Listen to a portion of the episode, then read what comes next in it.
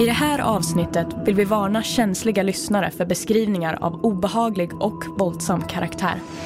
Huvudet var utsatt för värmepåverkan. Låg värme många timmar. Det var precis så det såg ut. Under åren har jag förstås rapporterat om en mängd olika brott. Oftast finns det någon slags logik i dem, ett tankesätt som man som utomstående ändå kan förhålla sig till. Ett bankrån till exempel, ja, de behöver pengar. Samma med bedrägerier och stölder. Jag heter Hasse Aro. Välkomna till min podd Fallen jag aldrig glömmer.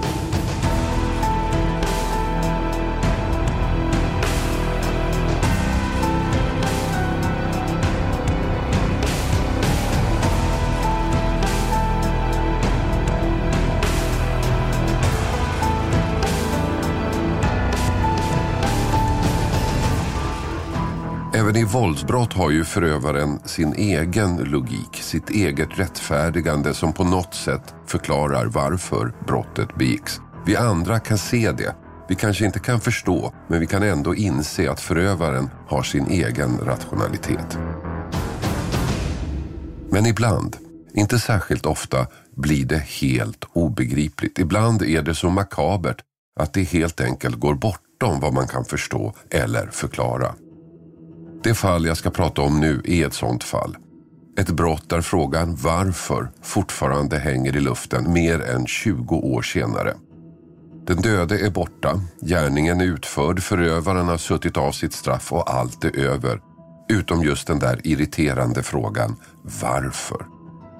Varför? Varför hon? Och inte minst varför på det här sättet?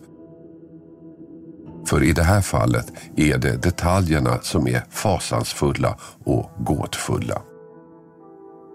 Allt börjar på kvällen den 30 november 1998. Två killar ut och går på Södermälarstrand i Stockholm. En väg, vilket man kan höra av namnet, följer Mälaren på söder sida. Hela strandpartiet är i princip en enda lång kaj med olika typer av båtar förtöjda. Allt från arbetsbåtar, restauranger, ett par hotell till båtar där människor bor permanent. Det är mörkt förstås. Ändå ser killarna något i vattnet, något mystiskt. De skämtar om att det kan vara ett lik. Och det de ser driver allt närmare kajkanten och till slut inser de att deras skämt är på riktigt. Det är ett lik de ser, i alla fall en del av ett lik. Och det här blir början på ett av de märkligaste fallen jag hört talas om. Ett fall jag verkligen aldrig glömmer. Kristin Portnoff kom att bli spaningsledare i det här fallet. Ja, det är då måndagen den 30 november 1998, ungefär vid 23-tiden, så kommer det två stycken eh, killar och går längs med Söder och de börjar närma sig Slussen. Och eh, när de tittar ut över vattnet så ser de då någonting som de tror först är en boj som ligger och flyter. Men eh, det här kommer närmare och närmare med strömmen då som går in mot själva kajen. De står kvar och tittar och då upptäcker de, den ena säger till den andra att herregud, det där ser ut som en eh, människokropp. Och eh, det kommer närmare och närmare och de står kvar och de kan då bara konstatera att det är en människokropp som är guppar här på ytan. Och vad händer då? Ja, de tar ju direkt och ringer efter polisen. Så, och man eh, kallar dit tekniker och eh, man lägger ut en plast på kajkanten och eh, man plockar upp det här. Det visar sig att det är en, en bål då, eller torso som det också heter. Eh, så de kriminaltekniker som åkte dit, de kunde direkt se att det fanns ett ganska långt, cirka 45 centimeter långt blont hårstrå i själva ena då armhålan. Och det här tog man tillvara på då. Mm. Hur kom du in i den här utredningen? Ja, vid den här tiden så jobbade jag då i Stockholm city som kriminalare. Och det här fallet hamnade då hos oss i city, på polisen i city, grova brott. Och det var jag då och eh, vår utredningsgrupp som bestod av ungefär då vid den tiden åtta krimmare som fick ta sig an det här fallet. Fyndet gjordes alltså en måndag och det man hittade var en torso från en person. Inga armar, inga ben, inget huvud. Men det gick ändå att dra några slutsatser. Initialt så gjorde man ju som man alltid gör, man ser till att det kommer till rättsläkarstationen. Och eh, vid den här tiden var ju då eh, chefsrättsläkaren Johan Reis som fick ta sig an det här fallet. Och det viktigaste var ju såklart att få en identitet. Men vad han kunde säga då, eh, det var ju då att den här torson eller bålen var i väldigt fint skick. Den var styckad vid halsen, axlarna och i midjan. Och övriga kroppsdelar saknades ju då vid det här tillfället. Men vad han kunde säga då, det var direkt att det här var efter en man, det är en mansperson. Han är ganska gammal, han är någonstans mellan 60 och 80 år. Och jag minns även att Jovan sa till oss att han tippade mer att han var runt 80-årsåldern. Och vi fick även reda på att det fanns en viss sjukdomsbild som man kunde se på, på den här mannens lungor. Då. Kunde man eh, säga någonting om när han hade dött? Nej, han kunde bara säga att kroppen inte hade funnits så länge i vattnet. Den här händelsen väckte naturligtvis enorm uppmärksamhet i pressen. Ett styckat lik mitt i Stockholms innerstad. Rubrikerna var jättestora. Och i Efterlyst tog vi naturligtvis upp fallet när vi sände på torsdagen. Det skulle visa sig att Leif faktiskt hade rätt redan på det här tidiga stadiet. Jag kommer inte ihåg om vi faktiskt fick in några tips i programmet, men jag tror inte det. Polisen däremot fick ett tips som senare skulle visa sig vara väldigt användbart. För medan vi i media bevakade fallet fortsatte polisen sin undersökning. En av de första åtgärderna var förstås att söka i vattnet vid Södermälarstrand för att se om man hittade fler kroppsdelar, vilket man också gjorde. Det visade sig att benen som tillhörde kroppen låg i närheten och till skillnad från torson var de inte inslagna i något paket. Vattnet hade dessutom gjort att huden på benen blekt så mycket att de praktiskt taget lös när dykarna hittade dem. Och vittnet som hörde av sig kunde också vara till nytta när de här sökningarna fortsatte. I det här läget också så är det alltid väldigt viktigt att göra en dörrknackning, vilket vi gjorde. För här där vi anträffar då själva torson så ligger det ju då, låg och ligger fortfarande idag, väldigt många båtar. Dels eh, personer som bor i sina båtar men även restaurangbåtar. Så det var det första vi gjorde också, att inleda en dörrknackning bland de här båtmänniskorna. Och det gav ju ingenting från början, men det hade gått några dagar så hörde ett vittne av sig och han berättade att han på söndagen, det vill säga ett dygn innan ungefär, vid 16.30-tiden, då hade han varit på en basar ute på Långholmen. Han hade gått mot Slussen och gått längs med Södermälarstrand. Och han eh, till och med cyklade om jag inte minns fel. Av ren instinkt så ser han att någonting är fel. Han ser en kvinna som står på huk mellan två båtar nära Slussen. Och hon står och slänger någonting ner, ned, nedanför kajkanten i vattnet. Och givetvis så var den här iakttagelsen väldigt, väldigt viktig. Dels så hade vi funnit då själva torson i, i, i vattnet här. Och så var det även så att en av de boenden som fanns i en av båtarna lite längre mot Långholmen, han hade vaknat en morgon av att fiskmåsarna skrek. Och han tittade ut och undrade vad det var för någonting. Han såg att fiskmåsarna satt på vattenytan och verkade äta på någonting. Och det här drev mot hans båt. Han plockar upp det från vattnet när det kommer närmare hans båt och då visar det sig att det är ett tarmpaket. Och det här tarmpaketet kunde då Jovan Reis, rättsläkaren, säga att det här tarmpaketet, det tillhör själva bålen också. Men det här vittnet kunde inte bara peka ut platsen där den här kvinnan slängt saker i vattnet. Han kunde också ge ett signalement. Eh, vi fick ett signalement om att det var en ganska kort kvinna som var i, i 45-årsåldern ungefär. Och det här vittnet, han var så pass säker på sina iakttagelser så han missade faktiskt bara endast hennes vikt senare då på ett kilo. Mm. Och en annan detalj som han lämnade var att hon hade väldigt, väldigt speciella eh, glasögonbågar. Så dels så hade vi då torson, vi hade det här tarmpaketet och vi hade även då det här vittnets iakttagelse på den här kvinnan. Signalementet skulle som sagt visa sig ha betydelse senare men just i det här läget hade polisen verkligen inte mycket att gå på. Det fanns ingen person som var anmält försvunnen som passade in på det man hittat så i princip hade polisen bara två spår. Det första var kroppsdelarna. De tillhörde en man, äldre, i alla fall minst i 60-årsåldern. Men inget på de delar man hittat kunde ge några ledtrådar till vem mannen var. Det andra var vittnet som sett kvinnan, en iakttagelse som egentligen inte behövde ha något med fyndet att göra alls. Det var allt. Det behövdes mer. Och just då, när det som mest var kritiskt, kommer det första genombrottet. Dykarna gjorde ett avgörande fynd, nämligen mannens huvud. Det här vittnet då, han vallade vi på platsen och han pekade ut platsen, han pekade fel med en halv båtslängd, men det visade sig när de sökte då så att säga, så vart det ju träff. Och våra dykare anträffade då eh, olika kroppsdelar precis nedanför kajkanten och de här kroppsdelarna fanns i dels eh, plastpåsar men även så låg de eh, icke paketerade så att säga nedanför kajkanten. Då. Och var hittade ni huvudet? Huvudet låg i en, en av de här plastpåsarna. Men det var något som inte stämde, något var fel.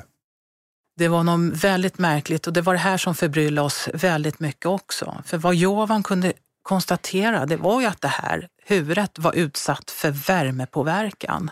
Och eh, han förklarade som att om du tänker att du sätter in en kärlknöl i ugnen, låg värme många timmar. Det var precis så det såg ut. Hur tänkte du då? Ja, det är ju jättesvårt att tänka egentligen. För jag menar, du avidentifierar ju inte en människa eftersom tänderna finns kvar. Och det går inte ens en gång att föreställa sig hur man ska tänka varför man har gjort på det här sättet. Och det var bara huvudet som hade de här eh, spåren av, av brännskador eller värmeskador? Ja, exakt. Det var det enda. Men sen så var det andra specifika detaljer också på både armar och ben. Man hade vrängt eh, själva eh, huden åt andra hållet och det förstod vi. Det har än idag inte fått något svar på varför man gör så. Var det något mer som var konstigt? Eh, Jovan kunde även eh, konstatera att eh, ändtarmen var utsatt för eh, trubbigt våld. Eh, den här mannens huvud fanns ju då underhudsblödningen i, i själva huvudet. Ja, det är väl ungefär så han beskrev det för oss. Nu tog utredningen ett jättekliv framåt. Utifrån huvudet kunde polisen göra en bild av mannen. Två veckor efter det första fyndet lät polisen publicera bilden i tv och dagen därpå fanns den i tidningarna. För oss var det ju otroligt, otroligt viktigt. Jag menar, vi hade ju mannens tänder intakta, men var ska man söka där? Vilken tandläkare ska man gå till?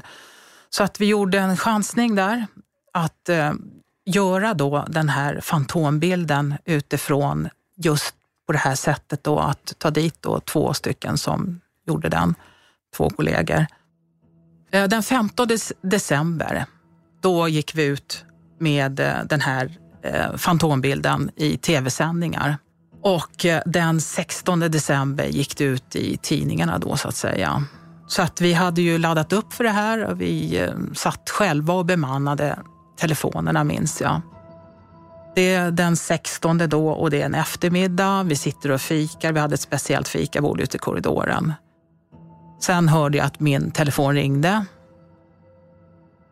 Och bilden gav snabbt resultat. Samma dag den visades i tidningarna tog en man kontakt med polisen. Han berättade att bilden var väldigt lik hans pappa. Sin pappa som han dessutom inte lyckats få tag på i flera veckor. Polisen skickade den döde mannens tandavtryck till den tandläkare som sonen visste att hans pappa gick till. Och den jämförelsen gav ett rakt och tydligt svar. Den döde, förmodligen mördade mannen var far till mannen som ringt. Han hette Gabriel, var 81 år gammal och hade bott i Bandhagen. Sonen berättade att familjen flyttat från Rumänien till Sverige när barnen var små. Barnen hade vuxit upp här. 1993 dog deras mamma och pappa Gabriel blev ensam änkling. Men via en bekant hade han kommit i kontakt med Maria, en 36 år yngre kvinna i Rumänien. Han sökte egentligen någon som kunde hjälpa honom i hushållet men tycke hade uppstått och de två hade gift sig. Nu hade den så förut tunna utredningen fyllts på med massa fakta. Man hade identiteten på mannen, man hade också namnet på hans hustru. En kvinna man naturligtvis så fort som möjligt ville få tag på. En kvinna vars signalement dessutom stämde med den kvinna vittnet sett slänga saker i vattnet vid Söder Mälarstrand. Så det fanns onekligen en hel del intressanta frågor att ställa till henne.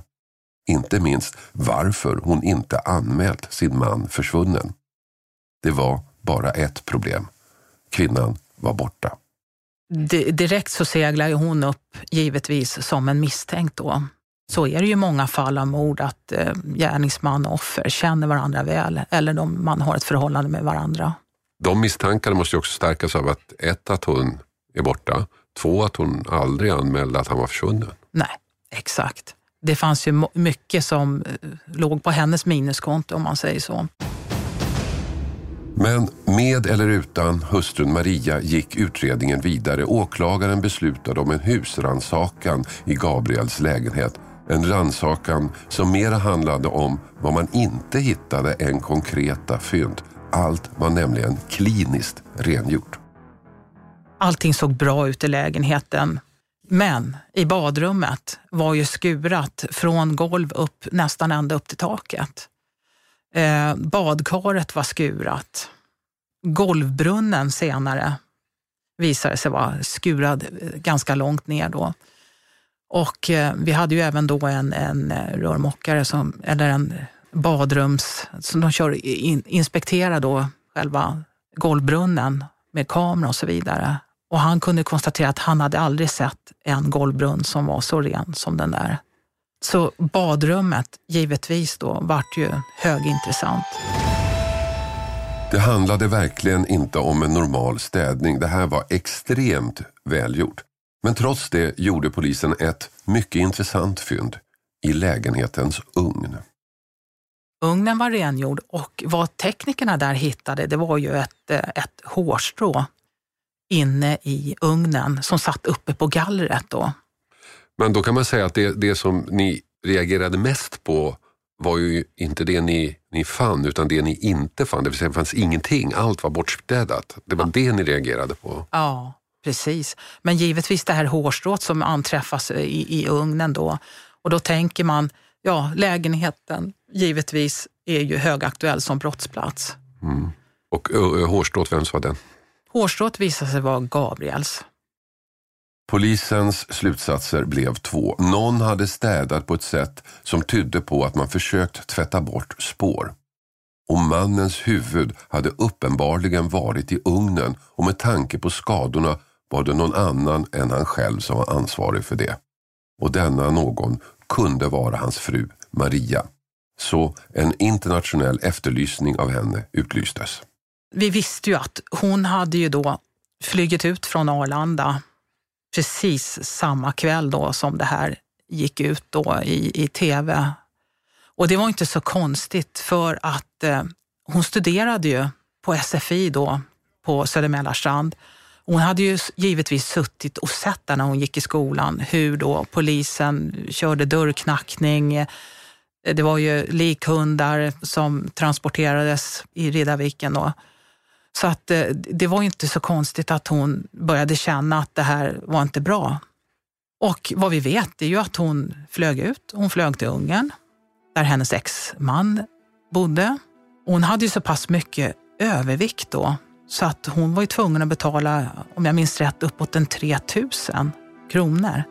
Och eh, hon hade ju tagit med sig då, sen, visade sig senare, eh, mycket av Gabriels ägodelar och guld som hon sedan pantsatte också mm. utomlands. Vad hoppades ni få ut av den här efterlysningen? Ja, vi hoppades givetvis att hon skulle gripas och eh, föras till Sverige. Polisens teori var alltså att Gabriel hade mördats i sitt hem, att han styckats i badkaret och att hans huvud hade stekts i ugnen.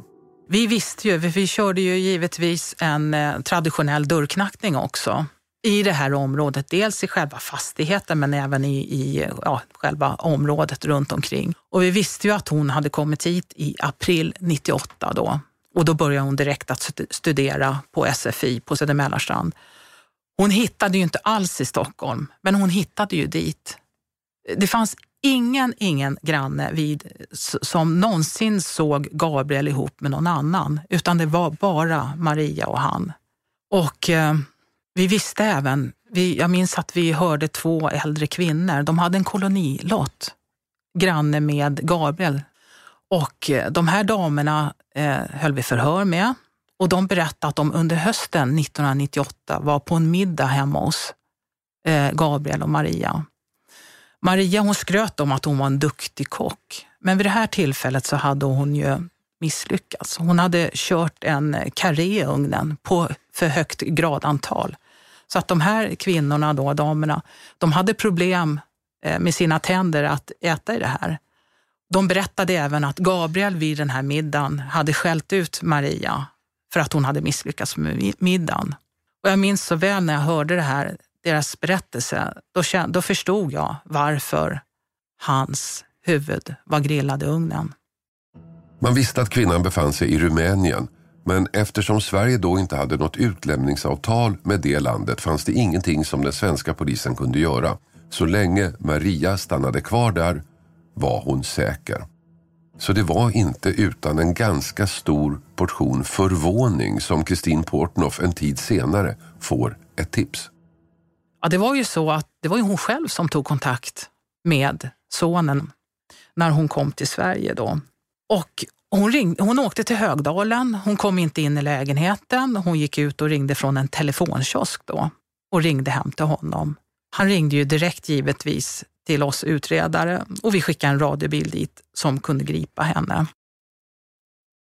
Maria greps förstås, fördes till häktet och förhördes. Hon nekade. Hon hade en annan historia. Maria berättade att Gabriel den här lördagen då hade åkt iväg till Mariehamn. Han skulle hämta ut sina sparpengar. Och för de här sparpengarna skulle de gemensamt köpa en lägenhet i Budapest i Ungern. Och hon berättade då att han hade åkt vidare till Budapest och sen därifrån så hade hon inte hört någonting mer från honom. Och det var den historien hon hade. Och, det, det var, var därför hon hade åkt dit? Ja, precis. Mm. Saken är den att hon då åkte hem till sitt ex och sen från sitt, sin exman så åkte hon vidare då till Rumänien där hon hade sin dotter ihop med den här ungerska mannen. Då. Vad var det som gjorde att ni inte trodde på hennes historia? Ja, dels så var det ju så att eh, vad de anhöriga berättade så hade ju överhuvudtaget Gabriel inga som helst tankar på att han skulle bosätta sig någon annanstans. Det hade han aldrig pratat om. Han hade ju till och med nyligen installerat en parabol och hans sena barnbarn skulle hem och hjälpa honom med datorproblem och visa honom och så. Så det fanns inga, inga sådana uppgifter överhuvudtaget. Och sen då ihop med de fynd då, som görs i lägenheten, givetvis så blir ju hon huvudmisstänkt. Åklagaren beslutade att Maria skulle åtalas för mord på sin make. Rättegången började i slutet av 1999 i Stockholms tingsrätt. Maria nekade till gärningen och vidhöll sin historia. Och åklagarens bevisning var inte särskilt tung. Egentligen bara några DNA-rester, hårstrået i ugnen och vittnet som sett en kvinna med liknande signalement vid vattnet samma dag som den första kroppsdelen hittades. Och det visade sig att det inte räckte. Tingsrättens dom blev icke skyldig. Ja, det var ju lite jobbigt. Det kände man ju verkligen. Eh, och vad, vad tingsrätten hade gjort och man hade givit egna förklaringar till hur det här hade gått till. Eller ens en gång, Maria hade ju ens en gång inte kommit med någonting sånt. Så att, eh, ja, det kändes jättejobbigt. Efter att ha blivit friad lät sig Maria intervjuas av tidningen Aftonbladet i sitt hem, ett hem fortfarande präglat av polisens omfattande tekniska undersökning. Där hävdar hon fortfarande sin oskuld. Men åklagaren gav sig inte. Domen överklagades till hovrätten och den här gången hade åklagaren ännu fler bevis. Man hade till exempel åkt till Rumänien. Det som skedde där det var att åklagaren ville då att vi skulle höra olika eh, bekanta som fanns i Rumänien. Och bland annat så hörde vi då eh, vissa grannar och så som då beskrev för första gången, det här visste vi inte sedan tidigare, att Maria hade varit våldsam mot Gabriel. Hon hade stulit värdesaker från honom, sprungit ut därifrån och Gabriel var alldeles skakig efter de här eh, situationerna. Och jag minns så väl också att vi hörde då Marias pappa. Marias pappa berättade om att eh, Maria som 19-åring försökte att strypa sin lilla syster när hon var 10 år. Han berättade även att Maria vid ett tillfälle när hon skulle in på fabriken och jobba, hon jobbade då med olika kemikalier. Hon hade inte sitt passerkort med sig. Det slutade med att hon flög på vakten och rev honom. Så när hon kom hem så hade hon fortfarande kvar den här vaktens hud under naglarna. Här började vi alltså få fram en bild över Maria. Om det var de nya bevisen eller om det var det faktum att hovrätten till skillnad från tingsrätten enbart består av jurister. Om det var något av det som gjorde skillnad, det vet vi inte. Men domen blev den rakt motsatta. Maria befanns skyldig till mord och dömdes till lagens strängaste straff, livstidsfängelse. Precis. Så eh, Maria hon fick livstidsfängelse och vart utlämnad till Rumänien några år senare, tror jag det var. Där bestämde man ett 26-årigt eh, eh, fängelsestraff. Men vad jag vet nu så är hon fri i alla fall. Maria avtjänade de första åren i svenskt fängelse men blev sen förflyttad till ett fängelse i hennes hemland Rumänien. Där blev hon frisläppt 2011 efter att ha avtjänat 11 år av sitt straff. Alltså betydligt lägre än om hon fått stanna i svenskt förvar. Idag lever hon sitt liv i Rumänien. Även om hovrätten fann att hon var skyldig så återstår många frågor som vi aldrig får svar på. Varför mördade hon honom? Varför la hon hans huvud i ugnen? Varför styckade hon kroppen på det sättet hon gjort? Hur kunde hon rent praktiskt genomföra allt det här? Och om hon nu var skyldig, varför återvände hon till Sverige? Kristin Portnoff tror sig ha hittat ett motiv. Man kan ju fråga sig varför hon gjorde det här. Vi kom ju ganska långt ändå, tycker jag. Eh, för att i Gabriels plånbok, där fann vi en eh, insättningsavi. Den här avin hade kommit hem till hans bostad och vi visste ju att Maria, hon var ju och studerade svenska då på dagarna. Vi vet att Gabriel har öppnat hennes post. Och då, då är det så nämligen att Gabriel hade tillåtit att skicka då 2000 kronor, har jag för mig att det var, varje månad. Men efter att ha gjort det där under något tre, fyra, fem månader så tyckte han att det var för mycket pengar, så han förbjöd henne att göra det här. Och vad som hände då var att Maria pratade med sin lärare som hon hade på SFI och till honom så sa hon att jag bor ihop med en väldigt elak gammal gubbe och han tillåter inte mig längre att skicka pengar till min dotter i Rumänien. Kan du ställa upp med en Carov-adress? Vilket han gjorde, den här läraren. Han sa att det är inte alls ovanligt att man då hjälper olika elever och så. Så man eh, gick in då på eh, kontoret på Sveavägen och med, med den Carov-adressen och eh, Maria gjorde en, en överföring på ett par tusen kronor. Vad misstaget hon gjorde, det var att skriva tillbaks adressen inom tre dagar, det vill säga Sjösavägen ute i Högdalen. Så när själva den här insättningsavin kom hem så var det ju då Gabriel som var hemma. Och vad vi kunde konstatera är att han med en blyertspenna då har dragit streck och kontrollerat givetvis det här banknumret. Och givetvis så har han konfronterat då eh, Maria med den här överföringen. Och det skulle ha utlöst hela händelsen? Det har utlöst, det är vi helt säkra på. Det här fallet eh, har ju jättemånga märkliga detaljer. Bara det att en kvinna styckmördar en person är ju i princip unikt. Vad känner du så här efteråt när du pratar om det här fallet?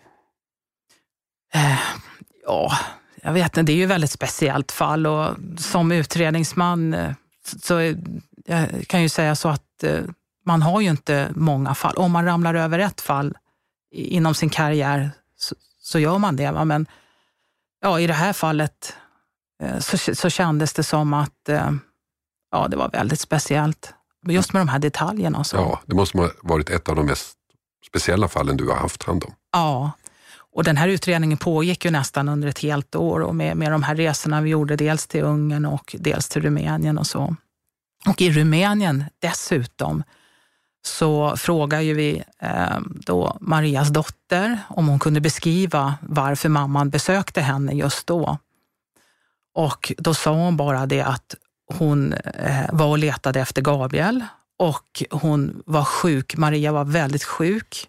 Dottern hade köpt en specialsalami till Maria som hon visste att hon älskade, men hon kunde inte äta någonting då. Och när vi då gjorde husrannsakan hemma hos dottern, då fann vi ju ägodelar som tillhörde Gabriel. Det var lite guld och det var boetter och lite sånt. Då. Och vad vi fann mer, det var ju ett handskrivet dokument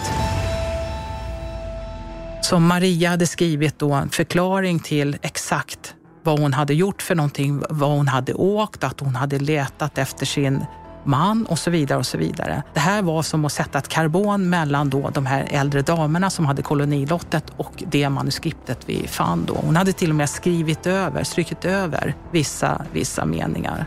Så hon hade, hon hade gjort ett manus? Eller? Hon hade gjort ett manus. Tack så mycket. Tack.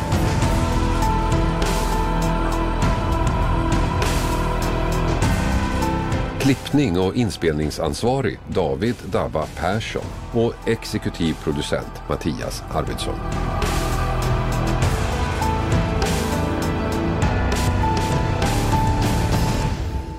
Produceras av I Like Radio. I like radio. Ett poddtips från Podplay. I podden Något Kaiko garanterar östgötarna Brutti och jag, Davva, dig en stor dos skratt. Där följer jag pladask för köttätandet igen. Man är lite som en jävla vampyr. Man har fått lite blodsmak och då måste man ha mer. Udda spaningar, fängslande anekdoter och en och annan arg rant. Jag måste ha mitt kaffe på morgonen för annars är jag ingen trevlig människa. Då är du ingen trevlig människa, punkt. Något Kaiko, hör du på Podplay. Därför är gardinerna.